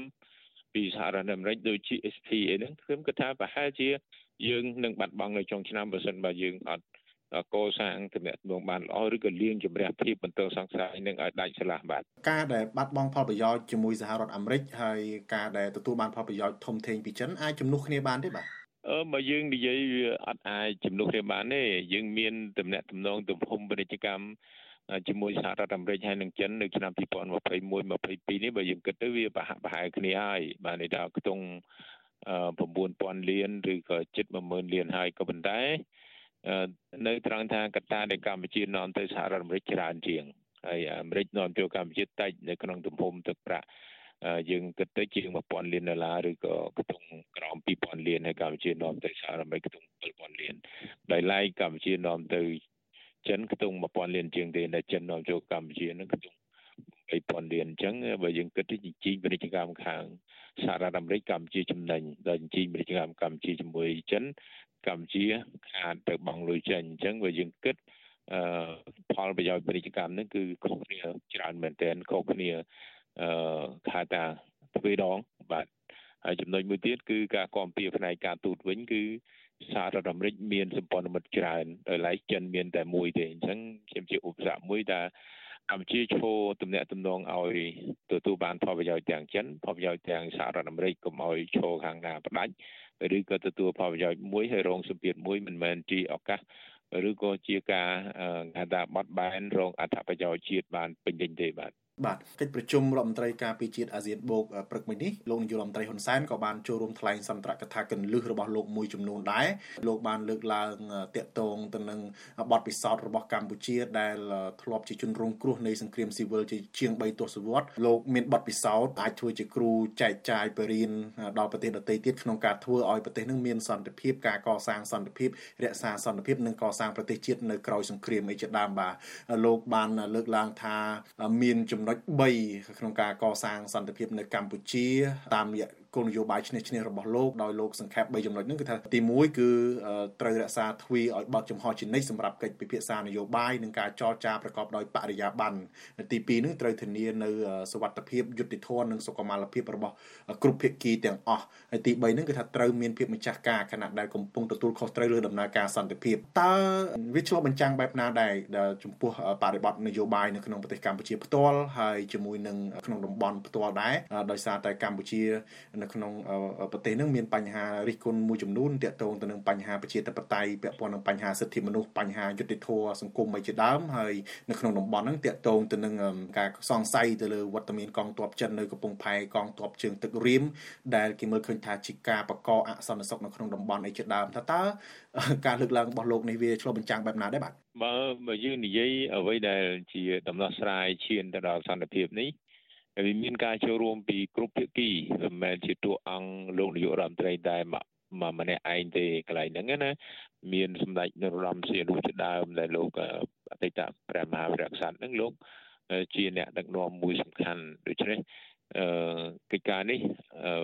នយោបាយឈ្នះឈ្នះយើងគិតថា លោកអនុវត្តនៅកម្ពុជាជោគជ័យក៏ប៉ុន្តែក្រោយជោគជ័យយើងឃើញមេខ្មែរក្រមក៏ត្រូវបានកាត់ទោសដែរហ្នឹងជាកិច្ចការមួយដែលធ្វើឲ្យគេពិចារណាដែរអញ្ចឹងវិធីសាស្ត្រដោះស្រាយស្វែងរកសន្តិភាពនៅកម្ពុជានឹងវាមានការចូលរួមចំណែកពីសហគមន៍អន្តរជាតិដែលយើងឆ្លុះបញ្ចាំងនៅក្នុងកិច្ចព្រមព្រៀងសន្តិភាពទាំងប៉ារីសថ្ងៃទី23ដុល្លារឆ្នាំ1991ហើយបើគ្មានការចូលរួមពីសហគមន៍អន្តរជាតិហើយយើងពិបាកនឹងស្វែងរកសន្តិភាពដែរនេះជាកិច្ចការមួយហើយវាមិនមែនជា រឿងមួយដែលបណ្ដាលោកខាងលិចឬក៏មានរឿងនាំសកលលោកនឹងគេខ្វះមិត្តសុបាយទេទស្សនៈខ្ញុំណាអ្វីដែលជាលើកការលើកឡើងរបស់លោកនឹងគ្រាន់តែរំលេចគុណសម្បត្តិឬក៏គេហៅថាអ្វីជាស្នាដៃរបស់លោកដែលធ្លាប់បានចូលរួមដោះស្រាយឬក៏នាំយកសន្តិភាពមកកម្ពុជាទេបាទមិនមែនជាគេហៅថាភាពលេចធ្លោនៅក្នុងឆាកអន្តរជាតិដែលធ្វើឲ្យគេចាប់អារម្មណ៍ឬក៏ ត្រាប់តាមឬក៏ត្រូវតែរៀនសូត្រពីកម្ពុជាទេបាទជាចុងក្រោយតើលោកមានអ្វីចង់បន្ថែមទេជុំវិញកិច្ចប្រជុំរដ្ឋមន្ត្រីការពិជាតិអាស៊ានបូកនេះបាទខ្ញុំគ្រាន់តែចំណាប់អារម្មណ៍ថារាល់ជំនួបឬក៏ការចរចាហ្នឹង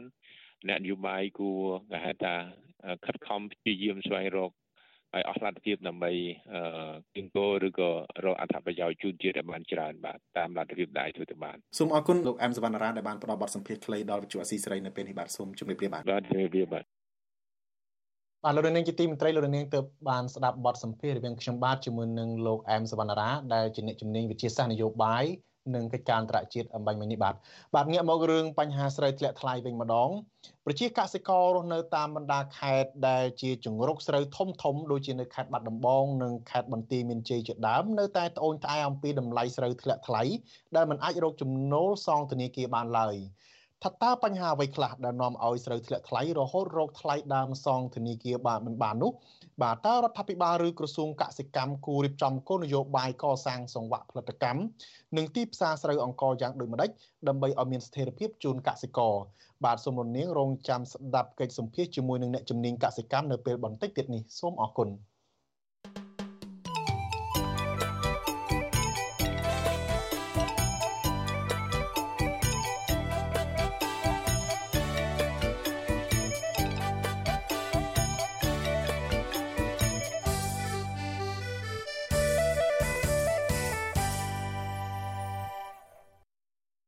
បាទលោកនាងជាទីមេត្រីអាជីវករខ្មែររស់នៅតាមព្រំដែនថៃមួយចំនួនត្អូញត្អែពីការលក់ដូរមិនសូវដាច់ដោយសារអាញាធរកម្ពុជានិងថៃមិនបើកច្រកព្រំដែនឲ្យបានទូលំទូលាយដោយកាលពីមុនការរាតត្បាតជំងឺ Covid-19 ការត្អូញត្អែនេះធ្វើឡើងបន្ទាប់ពីនៅតាមផ្សារថៃនៅតាមច្រកព្រំដែន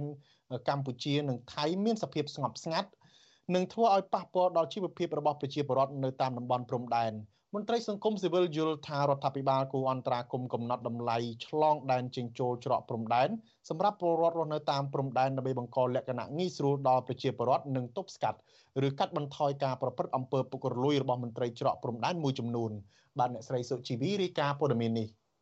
អាជីវករខ្មែររស់នៅតាមព្រំដែនថៃនៃខេត្តបាត់ដំបងនិងខេត្តបន្ទាយមានជ័យព្រួយបារម្ភពីជីវភាពនាពេលខាងមុខខណៈការលក់ដូរមានការធ្លាក់ចុះខ្លាំងព្រោះគ្មានអ្នកទិញ។ អាជីវករទាំងនោះលើកឡើងថាការរឹតបន្តឹងនិងការធ្វើឯកសារឆ្លងដែនរវាងកម្ពុជានិងប្រទេសថៃ មានភាពសាមញ៉ាំធ្វើឲ្យពលរដ្ឋនៅក្បែរព្រំដែនមិនចង់ឆ្លងដែនទៅទិញទំនិញនិងពិបាកដឹកទំនិញត្រឡប់មកកម្ពុជាវិញពួកគេជំរុញរដ្ឋាភិបាល ស្ថាប័នពាក់ព័ន្ធអន្តរាគមនិងរកវិធីសាស្ត្រដោះស្រាយជួយអាជីវករនិងសម្រួលឲ្យពលរដ្ឋឆ្លងដែនបានងាយស្រួល និងក្នុងតម្លៃសមរម្យឡើងវិញ។ អាជីវករលក់ដូរនៅផ្សារថៃច្រកភ្នំដីស្រុកសំពៅលូនលោកសុនសុផលប្រាប់វិទ្យុអាស៊ីសេរីនៅថ្ងៃទី23ខែវិច្ឆិកាថាក្រោយពីច្រកទ្វារព្រំដែនស្រុកសំពៅលូនបើកឲ្យដំណើរការឡើងវិញ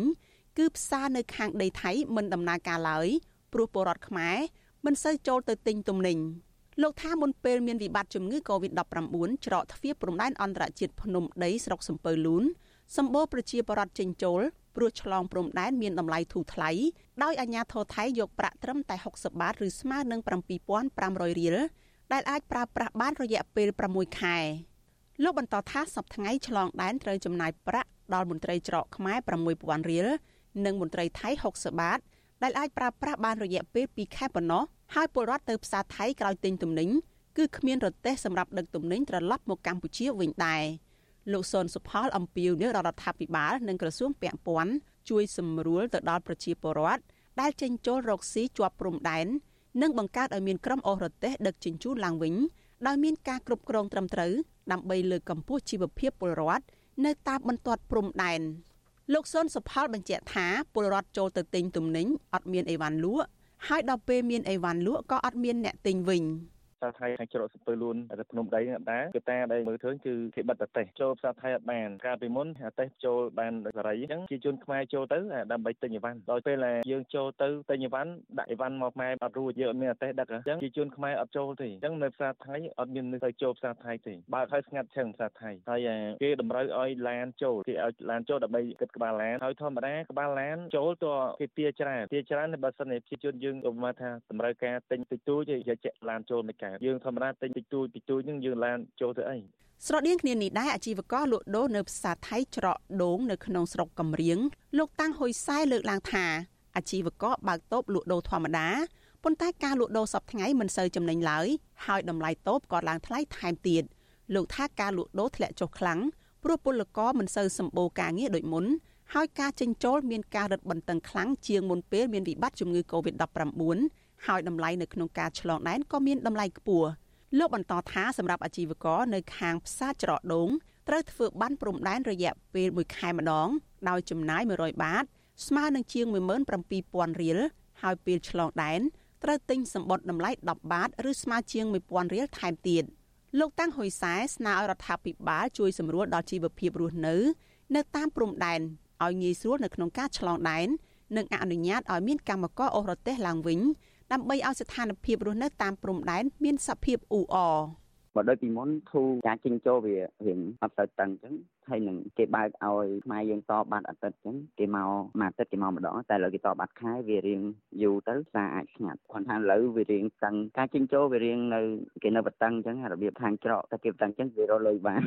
ចំណែកអាជីវករលក់ដូរនៅផ្សាររងឃ្លឿច្រកប៉ោយប៉ែតលោកលយលឹមប្រាប់វិទ្យុអាស៊ីសេរីថា តាំងពីបើកច្រកមកលោកនិងអាជីវករនៅផ្សាររងឃ្លឿជួបការលំបាកនៅក្នុងការប្រកបមុខរបរនិងបញ្ហាជីវភាពប្រចាំថ្ងៃព្រោះតម្លៃទំនិញគ្រប់មុខឡើងថ្លៃដែលធ្វើឲ្យមានការចំណាយច្រើន លោកថាការរឹតបន្តឹងរបស់មន្ត្រីច្រកនៅក្នុងការឆ្លងដែនធ្វើឲ្យប៉ះពាល់ដល់អាជីវករនៅផ្សាររងឃ្លឿព្រោះពួកគាត់ត្រូវចំណាយប្រាក់ទៅលើបានឆ្លងព្រំដែនរាល់ថ្ងៃលោកបន្តថាការលក់ដូរសពថ្ងៃមិនថាគ្រួសារលោក គ្រួសារអាជីវករដទៃទៀតទេ គឺដល់ខែត្រូវជួបការលំបាកដោយសារតែលក់មិនដាច់តែត្រូវចំណាយថ្លៃបានព្រំដែនថ្លៃជួលតូបថ្លៃកូនរៀននិងប្រាក់ជំពាក់ធនាគារជាដើមលោកលយលឹមអំពាវនាវដល់ស្ថាប័នពាក់ព័ន្ធកំណត់តម្លៃឆ្លងព្រំដែននិងធ្វើការឆ្លងព្រំដែនសម្រាប់អាជីវករហើយបង្កើតឲ្យមានកម្មករអូរទេសឡើងវិញដោយសម្រួលការឆ្លងដែនរបស់អាជីវករនិងកម្មករដើម្បីប្រកបរបរដោះស្រាយជីវភាពគ្រួសារប្រចាំថ្ងៃ។ តាំងពីការបើកច្រកមកភ្លាមតួផលលំបាកទី1សេដ្ឋកិច្ចបានធ្លាក់បាត់ទៅហើយការរឹតបន្តឹងពីការចេញចូលហ្នឹងក៏វាតឹងខ្លាំងដោយសារវាអត់មានកាតអីដូចមុនណាហើយតម្រូវយើងប្រើបរផាន់ចេញចូលត្រូវចំណាយជាថវិកាជារៀងរាល់ថ្ងៃដល់ពេលសម្រាប់កម្មករវិញក៏ដូចអញ្ចឹងដែរពីមុនគាត់ចេញចូលអស់តែមួយបាតអីទេអញ្ចឹងគាត់អូសអីវ៉ាន់ចេញចូលអ៊ូអហើយក៏ដឹកអីវ៉ាន់ក៏មានតម្លៃធូរថ្លៃដែរពេលយើងដឹកចេញដឹកចេញទៅញ៉ាតាមទីដល់ពេលឥឡូវអីវ៉ាន់ដឹកក៏តាំងដូចថាត្រូវចេញទៅគេត្រូវវាយសភៅត្រូវយកហើយទៅដល់ហ្នឹងគួយក៏ឆែកវាតឹងខ្លាំងសម្រាប់ហ្នឹងសម្រាប់កម្មករហើយសម្រាប់អ្នកចូលហ្នឹងក៏វាត្រូវចំណាយអញ្ចឹងពិបាកពលរដ្ឋនៅតាមច្រកព្រំដែនលើកឡើងថាកម្ពុជាមានច្រកព្រំដែនជាប់ប្រទេសថៃច្រើនប៉ុន្តែការទៀមទាតម្លៃឆ្លងដែនខុសពីគ្នាដោយអាស្រ័យទៅតាមការកំណត់របស់មន្ត្រីតាមច្រកនីមួយៗដែលធ្វើឲ្យមានអំពើពុករលួយច្រើននិងប៉ះពាល់ដល់ការប្រកបរបរប្រស្រ័យតាក់ទងគ្នារវាងពលរដ្ឋជាប់ព្រំដែននៃប្រទេសទាំងពីរព្រោះចំណាយច្រើនពេលឆ្លងដែនម្ដងម្ដង។ វិទ្យុអាស៊ីសេរីមិនអាចតេតតណែនាំពាក្យអគ្គនាយកដ្ឋានអន្តោប្រវេសន៍លោកកៅវ៉ាន់ថនដើម្បីសូមអធិប្បាយជុំវិញបញ្ហានេះបានទេនៅថ្ងៃទី23ខែវិច្ឆិកាដោយទូរស័ព្ទហៅចូលតែគ្មានអ្នកទទួលប៉ុន្តែមេប៉ុស្តិ៍ច្រកទ្វារអន្តរជាតិប៉ោយប៉ែតលោកអ៊ីចម្រើនឲ្យដឹងថាលោកកំពុងព្យាយាមដោះស្រាយបញ្ហា ដើម្បីធ្វើការជូនប្រជាពលរដ្ឋនិងកម្មករអរទេសប៉ុន្តែភៀកគីថៃ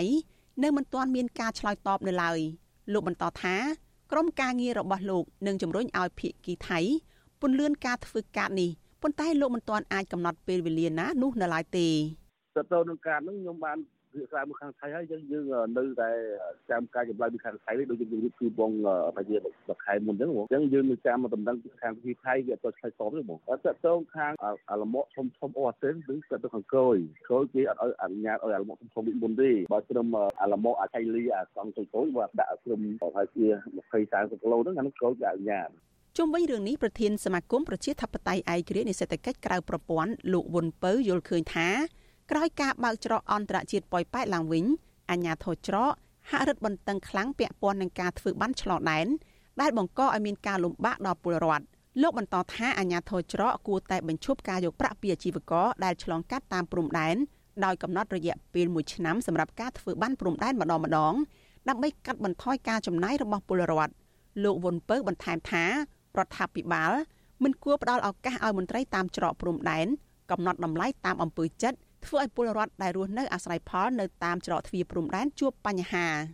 អាញាធរច្រកទ្វារព្រំដែនគួរតែបើកទូលាយឡើងវិញនៅការចរាចរទំនិញតាមរយៈប្រទេសរុញដើម្បីបង្កលក្ខណៈឲ្យប្រជាពលរដ្ឋរស់នៅតាមច្រកទ្វារបានប្រកបមុខរបរអាជីវកម្មតាមរយៈការអរទេសទំនិញពីខ្មែរចូលថៃពីថៃចូលមកខ្មែរដើម្បីបង្កើនជីវភាពរស់នៅរបស់ពលរដ្ឋទី1ទី2រដ្ឋទាំងសងខាងគឺត្រូវតែធ្វើការជាការចេញចូលព្រំដែនលក្ខណៈជាមួយឆ្នាំឬក៏2ឆ្នាំម្ដងទៅកុំឲ្យកាតមួយចេញព្រឹកល្ងាចព្រឹកល្ងាចចូលម្ដងគិតចេញម្ដងគិតចូលម្ដងគិតអាហ្នឹងគឺឲ្យគាត់ចំណាយច្រើនហើយគាត់ពិបាកក្នុងការចិញ្ចូលការចម្រិតទារប្រាក់ពីពលរដ្ឋនៅតាមព្រំដែនមិនមែនទើបតែកើតឡើងទោះបីជាមានការផ្សព្វផ្សាយរបស់សារព័ត៌មានជាច្រើនពាក់ព័ន្ធនឹងការចម្រិតទារប្រាក់និងលែងឲ្យមានការអូសរទេះនៅតាមច្រកព្រំដែននានាបន្តទៅទៀតដែលធ្វើឲ្យកម្មករមួយចំនួនបង្ខំចិត្តចំណាក់ស្រុកនិងគ្មានប្រាក់ចំណូលដោះស្រាយជីវភាពគ្រួសារ